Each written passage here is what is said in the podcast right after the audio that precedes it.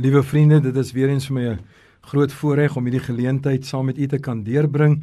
Ons praat nog steeds oor die vervulling met die Heilige Gees, die uitwerking daarvan en die noodsaaklikheid daarvan in ons lewens en ek vertrou dat dit vir u ook aanspoor en aanmoedig om te sê ek wil meer van die Here in my hê as ek dit so kan noem. Ek wil meer toelaat dat die Here verheerlik kom word deur my lewe. So ons gaan voort vandag. Ek gaan saam met u lees hier in Handelinge hoofstuk 2 en terwyl u daarin blaai kom ons bid net saam en ons vra dan net weer eens die seën van die Here Hemelse Vader, ons kom na U toe omdat U God is.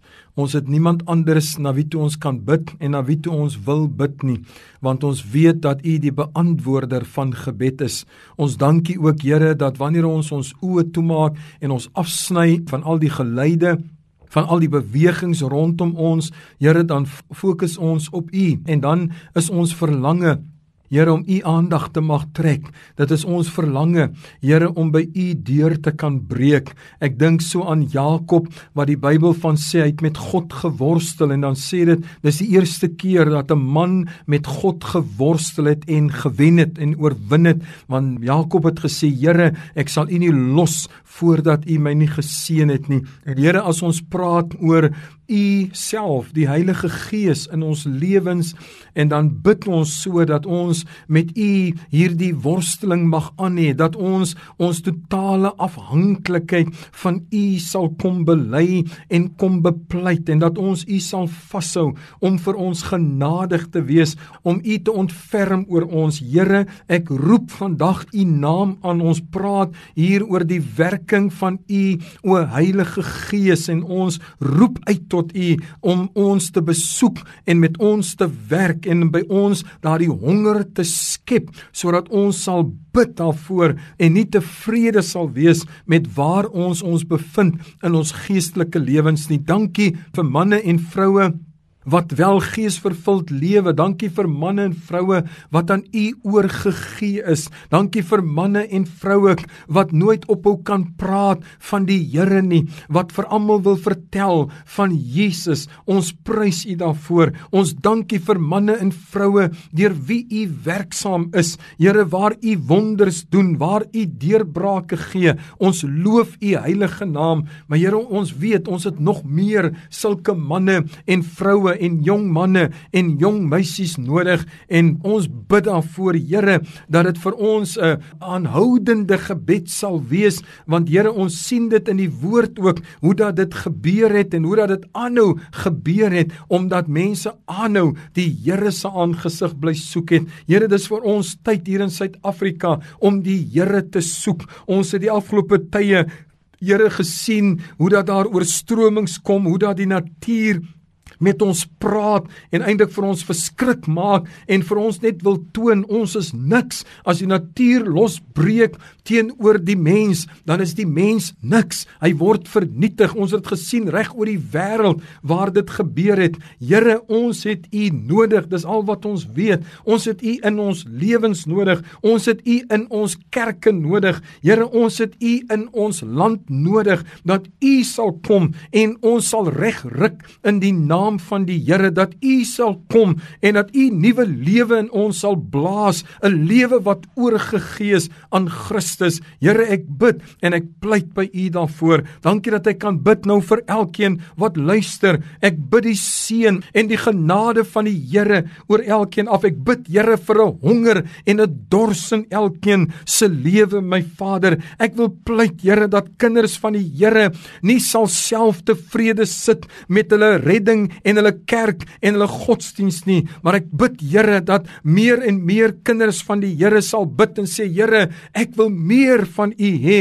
Ek wil meer vir U lewe. Ek wil meer vir U doen. Ek wil meer bruikbaar wees, Here, want as hierdie lewe verby is, gaan ons nie meer siele kan wen nie, gaan ons nie meer fisiekes kan bid nie, gaan ons nie meer die koninkryk gaan verkondig nie. Ons sal daar wees. So Here, ek bid en vra Help ons dat terwyl ons dit nog hier op aarde kan doen en behoort te doen, dat dit ons begeerte sal wees om saam met die Here te wandel. Help vir ons daartoe asseblief en laat U naam geheilig word in Jesus naam bid ons dit. Amen. Liewe vriende, ek wil graag dan soos ek sê saam met julle lees in Handelinge hoofstuk 2. Ek lees vanaf vers 1 tot 4 en dan weer vers 41 tot 47. Handelinge 2 dan vanaf vers 1. En toe die dag van die Pinksterfees aangebreek het, was hulle almal eendragtig bymekaar en daar kom skielik uit die hemel 'n geluid soos van 'n geweldige rukwind en dit het die hele huis gevul waar hulle gesit het. Toe is deur hulle tonge gesien soos van vuur wat hulle self verdeel en op elkeen van hulle gaan sit. En hulle is almal vervul met die Heilige Gees en het begin spreek in ander tale soos die Gees aan hulle gegee het om dit uit te spreek. En dan lees ons weer vanaf vers 41 tot 47. Die wat toe sy woord neem het is gedoop en daar is op die dag omtrent 3000 siele toegebring en hulle het volhard in die leer van die apostels en in die gemeenskap en in die breking van die brood en in die gebede en vrees het op elkeen gekom en baie wonders en tekens het deur die apostels plaasgevind en almal wat gelowig geword het was bymekaar en het alles gemeenskaplik besit en hulle eiendomme en besittings het hulle verkoop en die opbrengs onder almal verdeel volgens wat elkeen nodig gehad het. En dag vir dag het hulle eendragtig volhard in die tempel en van huis tot huis brood gebreek en hulle voedsel met blydskap en eenvoudigheid van hart geniet terwyl hulle God geprys het en in guns was by die hele volk en die Here het daagliks by die gemeente gevoeg die wat gered is. Net tot sover dan die geleesde gedeelte. So, u sal onthou ons eerste boodskap het gegaan oor word gees vervul. Dis 'n opdrag. Die tweede boodskap het gegaan oor is julle gees vervul. En dan vandag wil ons hier praat oor hierdie gebeurtenis waar mense vir die heel eerste keer met die Heilige Gees vervuld is. Nou dit is so wonderlik as 'n mens net weer kan herinner daaraan dat u sal agterkom dat hier is 'n gemeenskaplike tema in al hierdie gedeeltes en dit is dat gebed 'n belangrike rol speel en eintlik nie net 'n belangrike rol nie, dalk die belangrikste rol speel. Want u sien liewe vriende, wanneer 'n mens bid, dan gebeur daar iets. Wanneer 'n mens bid, dan is die Here met jou besig en hoor nou mooi, ek praat nou nie eens in eerste plek van openbare gebed nie. Ek praat van wat Jesus van gepraat het dat as jy wil bid, gaan in jou binnekamer, sluit die deur en dan praat met jou hemelse Vader. U sien liewe vriende, by elke kind van die Here behoort daar 'n liefde vir gebed te wees. Daar behoort 'n toegewydheid aan gebed te wees. Ons sien hier wat gebeur het dat Jesus voor sy hemelvaart gesê het: "Gaan wag in Jerusalem, wag tot jy krag ontvang het en eers dan sal jy bruikbare instrumente in my hand kan wees." En ons sien hoe dat hulle dit letterlik gaan doen het Hulle het na die hemelvaart het hulle na die boefretrek gegaan in Jerusalem en hulle daar begin bid. Nou vriende, as die Here vir hulle gesê het, dit gaan julle 10 dae neem, dan was dit baie makliker geweest want dan het jy geweet op die 10de dag gaan daar iets gebeur. Hulle het nie geweet wat sou gebeur nie. Hulle het nie geweet wat beteken dit eens om gevul te wees met die Heilige Gees nie maar hulle het gaan bid. Hulle het gaan doen wat die Here vir hulle beveel het om te doen. Natuurlik was dit maklik om dit te gaan doen as ek dit so kan noem want hulle was doodbang geweest. Hulle het nie geweet wat gaan met hulle gebeur nou dat Jesus weg is nie nadat die mense dan nou juis vir Jesus doodgemaak het en daar vervolging onder almal Jesus se volgelinge was, het hulle nie geweet wat hulle lot sou wees nie. So die gedagte aan gaan sluit julle toe, wag daar in die boefretrek was seker vir hulle nie te slegte nuus nuus gewees nie want dit het hulle uit die oog uitgehaal, maar die belangrike was dat hulle moes die aangesig van die Here gaan soek het. Vriende, kom ek sê net dit want dit is baie belangrik. Hoekom praat ons oor 'n doping met die Heilige Gees of 'n vervulling met die Heilige Gees? Want die argument of die vraag is altyd maar as ek dan nou 'n kind van die Here is, is ek dan nie gevul met die Heilige Gees nie? Nee, ongelukkig nie. Wanneer jy 'n kind van die Here word, dan kom woon die Heilige Gees in jou as 'n teken dat jy aan die Here behoort. Maar die mate waarin ek en u die Heilige Gees toelaat om oor ons te heers, Dis die mate waarin die Here ons kan gebruik. So al is jy 'n kind van die Here, dan is daar ongelukkige moontlikheid dat jy nog steeds in 'n vleeslike lewe die Here kan probeer dien. Ons sien dit Paulus praat daarvan in 1 Korintiërs 3. Hy praat van die wat bou met hooi, hout en stoppels teenoor die wat bou met edelgesteentes, goud en silwer en so aan. Jy weet en dan sê hy die werke word getoets. So die een bou in die vlees in en die een bou in die gees in. Die wat in die vlees in bou, sê Paulus, hulle sal gered word, maar soos deur vuur heen. So 'n mens kies hoe jy die Here wil dien. Jy kies of jy geestelik die Here se pad wil loop of of jy tevrede is om net die Here te dien en die Here te ken omdat jy 'n kind van die Here is en nou sit jy maar daar en jy doen jou deel, maar jy doen minimum, maar daar's nie daardie ernstige begeerte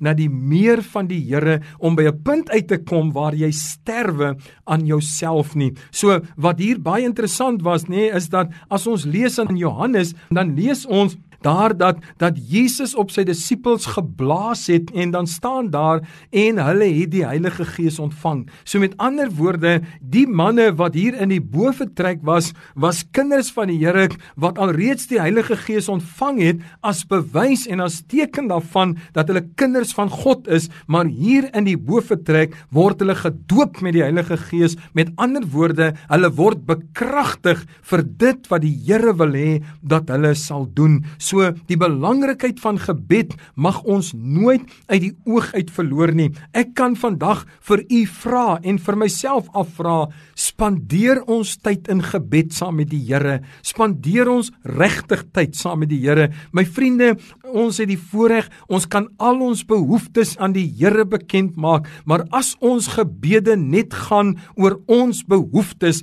dan het ons nog nie begin bid nie. Want u sien, die vraag is, wanneer gaan ons met die Here praat oor sy koninkryk? Wanneer gaan ons met die Here praat oor wat sy wil is vir ons lewens en hoe wil hy ons betrek binne sy koninkryk? Dis eers as jy by dit uitgekom het waar jy tyd maak om met die Here te praat oor wat hy wil en nie wat jy wil en wat jy wil hê nie, dan is ons besig om koninkryksgerig te raak. So ons het nodig om doeteenvoudig meer tyd met die Here te spandeer in gebed waar ons met hom praat oor sy koninkryk, oor sy wil en oor wat hy wil sien moet gebeur. En ongelukkig moet ek dit sê, dit blyk asof ons as kinders van die Here nie daarvoor tyd het nie. Ons het net nie die tyd om tyd met die Here te spandeer nie. Ons het net genoeg tyd om ons behoeftes bekend te maak. Ons het net genoeg tyd om sy seënings af te pleit, maar ons het nie tyd om met die Here te spandeer om met hom te praat oor dinge wat vir hom belangrik is nie. En dit, liewe vriende, is verskriklik hartseer. Mense sien dit in gemeentes, alle gemeentes kan ek dit amper waag om te sê, sien 'n mens dit dat wanneer dit kom by gebedstyd, dan is dit asof daar 'n stilte neerdal oor gemeentes want wie gaan nou in elk geval eers bid? Wie gaan dit waag? Want u sien die vraag is net nou bid jy nog verkeerd ook nê? Nee, dit is wat ons dink. Dis wat die duiwel vir jou sê. So die gevolg is dat ons ons bid amper nie eens meer hardop voor mekaar nie. Ons gaan in klein groepies en ons gaan waar dit stil is waar niemand my hoor bid nie waar niemand my nood hoor nie waar niemand hoor hoe dat ek roep na God en bid dat hy my genade veilig moet wees nie. Alles is privaat en persoonlik want dit is net vir my en die Here bedoel. So Daar is nie meer die nood nie. Daar is nie meer die nood vir gesamentlike gebed in baie gemeentes nie, want ons bid nie meer saam nie. Daar's nie meer geleentheid om dit te doen nie, want ons wil tog niemand in die verleentheid stel nie. Vriende, as daar gevaar dreig, dan gee jy nie om wat die omstandighede is nie. Jy roep vir hulp en jy roep so hard as moontlik, want jy weet jy het hulp nodig uit die, om uit die gevaar uit te kom waarin jy is. Ons sit met die gevaar dat baie kerke in hierdie laaste paar jare gaan toemaak omdat hulle nie sien die nood waarin hulle is nie. Vriende, ons sien dit reg deur ons land, groot gemeentes wat besig is om dood te gaan, om 'n stadige dood te sterf. Weet jy hoekom? Want hulle is nie bereid om uit te roep en te sê, Here, ons het afvallig geword van U nie. Kinders van die Here wat besig is om in sonde weg te sink omdat hulle nie bereid is om uit te roep en te bely, Here, ons is besig met verkeerde dinge nie. So vriende, ons het nodig om te besef ons is in die nood. Hierdie mense het hier in die boefretrek gaan bid omdat hulle in die nood was en dit was 'n geestelike nood. Dit het nie gegaan oor kos en klere hier nie. Dit het gegaan oor hulle geestelike lewe. Wat gaan nou van ons word want Jesus is nie meer hier nie.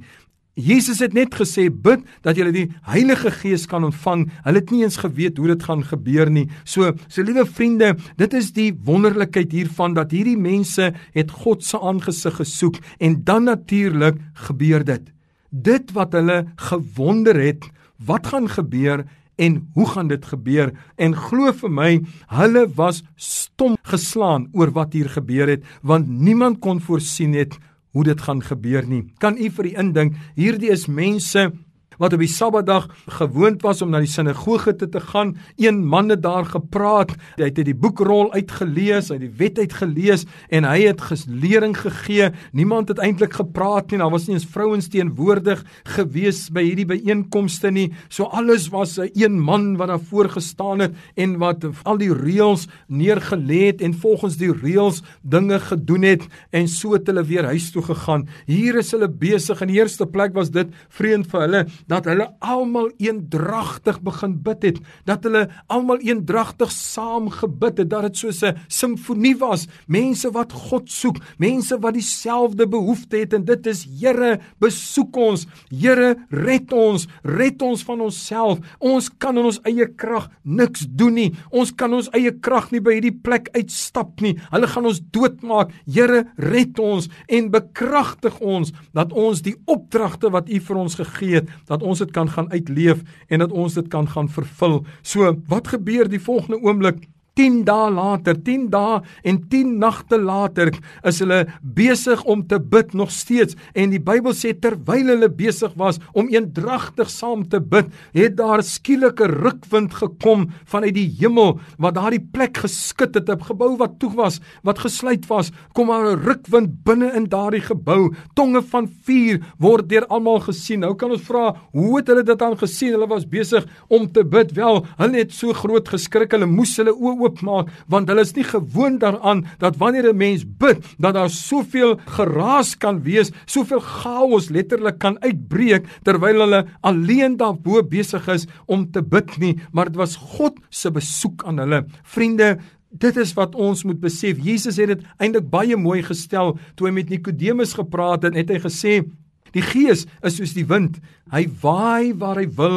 Jy hoor sy geluid. Jy weet nie van waar hy kom nie en jy weet nie waarheen hy gaan nie. Jy kan dit nie beheer nie. Jy kan dit nie saamvat en dan besluit waar jy dit wil gebruik nie. Nee, dis God se wind wat waai. En so was dit hier in hierdie geval dat toe die Heilige Gees oor hierdie mense kom, het hulle in allerlei tale begin spreek. Hulle hulle die Here geloof en geprys en almal was eendragtig en dit moes hulle almal verstom het. Eintlik hulle almal verskrik het aanvanklik totdat hulle besef het dit is waarvan Jesus gepraat het. Dit is die belofte wat hy nou waar maak hier in ons lewens en hulle praat in allerlei tale wat ons weet die mense op die ou einde ook buitekant kon verstaan het, maar hier was iets gebeur wat hulle nie by hulle self kon dink moontlik sou wees nie. Hulle is gedoop met die Heilige Gees.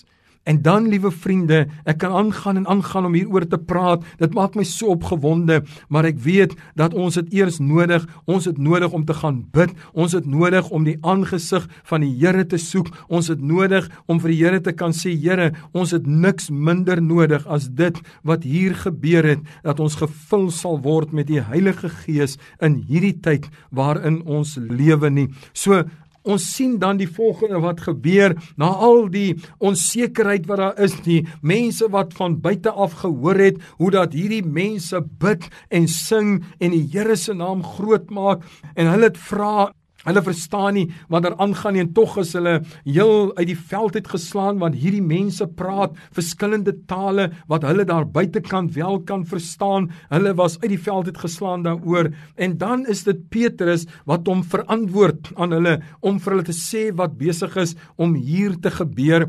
Petrus, liewe vriende, 'n vissersman, 'n man met volgens ons geen teologiese opleiding nie. Hy sou in die meeste van ons kerke nooit toegelaat word om te preek nie, want hy was 'n vissersman. Ons sou bang gewees het vir 'n dwaallering om verkondig te word, maar hierdie man nou gevul, gedoop met die Heilige Gees, staan op. En dan kom hy, liewe vriende, en hy vat die evangelie boodskap saam en hy dra hierdie evangelie boodskap oor en dan die snaakse, as ek dit so kan noem, dat toe Petrus hierdie vervatting van die evangelie gee en hy bring dit aan hulle en hy verduidelik dit vir hulle en sê die Bybel toe hulle dit hoor is hulle diep in die hart getref en het vir Petrus en die ander apostels gesê wat moet ons doen broeders Hierdie man wat nie deur een van ons toegelaat sou word om op ons kansels te staan nie, is die man gevul met die Heilige Gees, liewe vriende, en hy bring 'n boodskap wat hy nie voorberei het nie, maar wat die Gees deur hom laat vloei het. En toe hy klaar is met hierdie boodskap, was hierdie mense geruk in hulle binneste. Het hierdie mense gevra, "Wat moet ons doen?" Onthou mooi nou wat ek sê. Hierdie mense was almal kerkmense gewees. Hierdie hierdie mense was Saterdag in die sinagoge gewees want dit was die plek wat hulle geken het. Hulle die Joodse godsdiens geken, hulle die Joodse rituele geken, maar toe hulle hierdie boodskap hoor, wou hulle weet wat moet ons doen om dieselfde te kan hê as wat hierdie mense het. Petrus, 'n eenvoudige vissersman, maar gevul met die Heilige Gees, bring die evangelie op so 'n wyse dat 3000 mense op een dag hulle harte vir die Here gee. Broers en susters, Jy sien, ons kan in ons teologie gaan so hoog soos wat ons wil. Ons kan die Bybel ken so goed as wat ons wil. Ons kan dit uitlê so goed as wat ons kan. Daar's niks daarmee verkeerd nie. Maar as ons nie mense is wat gedoop is met die Heilige Gees nie, dan staan ons die gevaar dat met al ons preke ons land van ons geroof word deur die Satan, met al ons kerkdienste wat uitgesaai word op Facebook, op YouTube, op radio, op WhatsApps. Ons staan die gevaar dat die Satan die een is wat die grootste slag slaan en ons is net 'n geraas. Ons praat maar net, maar daar's geen krag in wat ons praat nie. Die evangelie was nog nooit so beskikbaar soos wat dit vandag beskikbaar is deur al die mediums en al die maniere wat dit kan uitgaan nie, maar ons land was nog nooit in so 'n slegte toestand soos wat hy vandag is nie. Hy die ons gemeentes was nog nooit in so 'n slegte toestand as wat dit vandag in is nie en die enigste rede daarvoor is ons is nie geesvervulde mense nie. Ons is nie mense wat gedoop is met die Heilige Gees en wat in die krag van die Here optree nie. Ons kry al die geleenthede wat die Here vir ons gee en ons is nie besig om 'n groot verskil te maak nie. Dis die hartseer, liewe broers en susters. Weet jy, as ek na my eie lewe kyk, En elke keer wat ek die woord ook bedien, dan gaan vra ek vir die Here en dan dink ek aan die woorde in 1 Korintiërs 13, al sou ek die tale van mense en engele spreek, maar ek het nie die liefde nie, dan is ek 'n klinkende metaal en 'n lydende simbaal. En so baie kere, dan gaan ek huis toe en ek gaan op my knie en ek sê, Here, was ek nie vanoggend maar net nog 'n geraas nie, nog net een van die vele geraas wat daar gemaak word in ons kerke. Ons beïmpak nie die mense nie. Ons is nie besig om 'n impak te maak en lewens te laat verander nie. Here, omdat wat ons doen, doen ons dalk in ons eie krag, doen ons dalk in die vlees.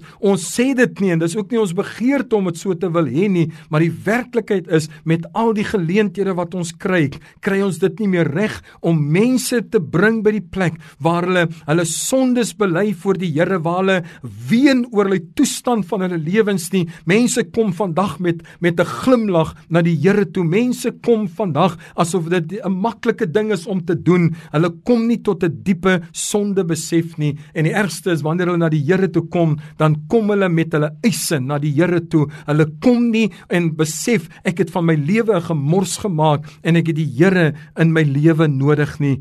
Petrus verduidelik vir hulle die evangelie en 3000 mense sê ons wil dit hê. Ons wil daai boodskap wil ons ook deel van ons lewens maak. Dan kan 'n mens net gaan kyk na hoe het 'n geesvervulde gemeente geleef. Nou, hy begin deur te sê hulle het volhard in die leer van die apostels wat die woord was en in die gemeenskap, met ander woorde het gereeld bymekaar gekom. Hulle het volhard in die breking van die brood, die nagmaal was bedien gewees en wat sê dit nog en hulle het volhard in die gebede. U sien liewe vriende, om geesvervuld vervul te word, het jy nodig om te bid en wanneer jy gees vervul word, dan bid jy nog meer. Jy kan nie daarsonder klaarkom nie. Ons weet hier is nog gevalle wat vir ons aangedui word waar hulle weer gebid het en die Heilige Gees weer oor hulle gekom het, weer vir hulle opnuut kom vul het sodat hulle met krag weer verder kon gaan. Vandaar dat die kerk so vinnig gegroei het in hierdie tyd dat mense van as 'n mens dit so kan noem van die Joodse geloof af weggedraai het en dat hulle na die Jesus evangelie toe gedraai het terwyl dit 'n vreemde evangelie vir hulle was maar hulle het dit geglo want die woord wat na hulle toe gekom het was in die krag van die Here gewees. Hierdie mense het bymekaar gekom en hulle het aangehou bid. Hulle het van huis tot huis gegaan. Dit praat hier liewe vriende van gemeenskap. Mense was lief vir mekaar. Mense het mekaar besoek. Nou weet ek as ek dit nou net waag om te sê wanneer laas het jy 'n medegemeente lid besoek en gaan kyk hoe gaan dit en die liefde van die Here met hulle gaan deel. Wanneer laas het jy 'n medegemeentelid gaan besoek en in hulle nood gaan help en probeer voorsien, dan sal ons heel waarskynlik sê wel ons doen dit nie meer nie. Ons kom nie meer by mekaar nie. Ons is almal te besig. Dis net nou en dan dat ons nog by mekaar kom en dan is dit sommer net 'n braai of is sommer net iets wat ons doen, maar die Here is amper nie eens deel daarvan nie. Dis sommer net ons spanning en ons voel dat as ons wil ontspan, moet ons net die Here daar uitlaat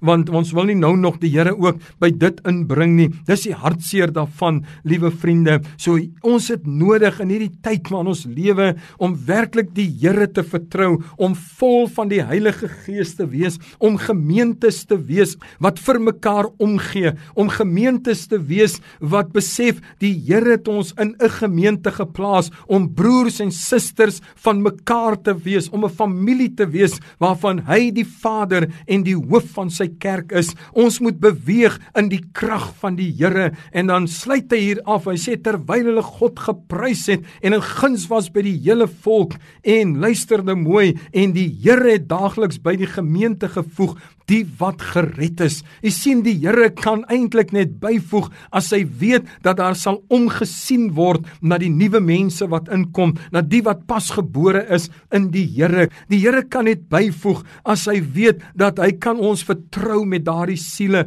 want jy sien ons almal wil groei, ons almal wil groot word en dan gee die Here vir ons dikwels siele en ons weet nie wat om met hulle te maak nie, want ons misbruik hulle dikwels vir ons eie eer. Hy sê hier dat hulle dit mekaar in eenvoud gedien. Met ander woorde, 'n eenvoudige lewe. Niemand was belangriker as die ander en kyk verder, liewe vriende. Wat staan hier? Hulle sê mense het hulle eiendomme gaan verkoop, besittings en dit was nie die man het nie sy huis gaan verkoop waar hy gewoon het nie, maar as hy ekstra gehad het, het hy gaan verkoop en die geld gebring sodat dit kan versprei word dat almal wat die Here dien en dis die geheim, almal wat die Here dien, dat hulle versorg kan wees. U sien die kerk en daar's niks meer verkeerd nie, moet my nie verkeerd verstaan nie, maar die kerk bewys liefdadigheid aan almal daar buitekant terwyl mense wat saam met hulle die Here dien, swaar kry en niemand gee vir hulle om nie. Ons lewe by mekaar verby, maar ons wil daar buitekant iets gaan doen wat vir daai persoon se siel niks gaan beteken nie, want die sop gaan hom nie red nie, die kos wat vir ons vir hom gee, gaan hom nie red nie. Dis net die evangelie wat hom kan red, maar die belangrike is en daar's niks meer fout nie. Ons reik ook uit na behoeftige mense toe, maar die punt wat ek net wil maak, liewe broers en susters, binne in ons gemeente opset, behoort daar eintlik nie mense te wees wat krepeer van ellende en wat nie weet wat hulle gaan eet môre of oormôre terwyl die res van ons dalk nie noodwendig in weelde lewe nie, maar meer as genoeg het. Ons dink aan hierdie tye waarin ons nou leef wat vir almal swaar word en die vraag is, is ons Christen genoeg?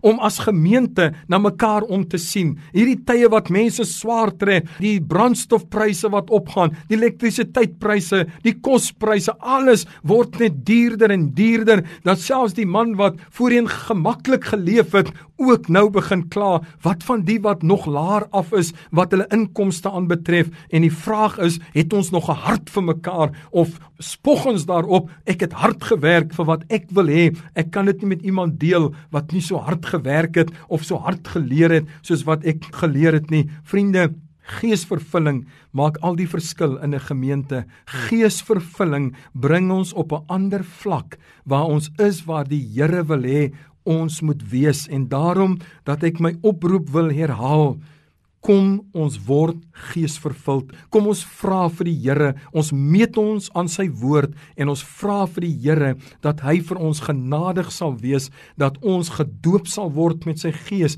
dat ons manne en vroue van gebed sal wees en dat ons nooit sal ophou om die aangesig van die Here te soek nie. Kom ons bid saam. Hemelvader, baie baie dankie dat u woord kosbaar is. Dankie dat u woord lewend is kragtig is, skerper is as enige tweesnydende swaard. En Here, as ek net moet saamvat wat ons nou oor 3 weke met mekaar gedeel het, dan wil ons net bid en sê Here, gaan ons nie verby nie terwyl die ander seën kom seën ook vir ons. Here, ons bid dat dit wat ons van hoor in lande waar daar ergerlike vervolging van Christene is, maar ons sien hoe dat die kerk groei, ons sien hoe dat die Here werk, dan bid ons my God God, laat dit oorwaai ook na ons hier in Suid-Afrika, ook na ons hier in die Wes-Kaap. Here, skep by ons 'n honger en 'n dors na meer van die Here, dat ons nie sal rus, Here, voordat ons nie ook self gedoop is met die Heilige Gees en nie meer 'n lewe van die vlees lewe nie, maar 'n lewe vol van die Heilige Gees. Ek bid en ek pleit by U daarvoor. Here seën ons en elkeen wat nou daardie selfde begeerte het. Ek bid Here, vul ons met U Gees, doop ons met die krag uit die hoogte uit en laat U naam verheerlik kom word in en deur ons se lewens in Jesus se naam. Amen.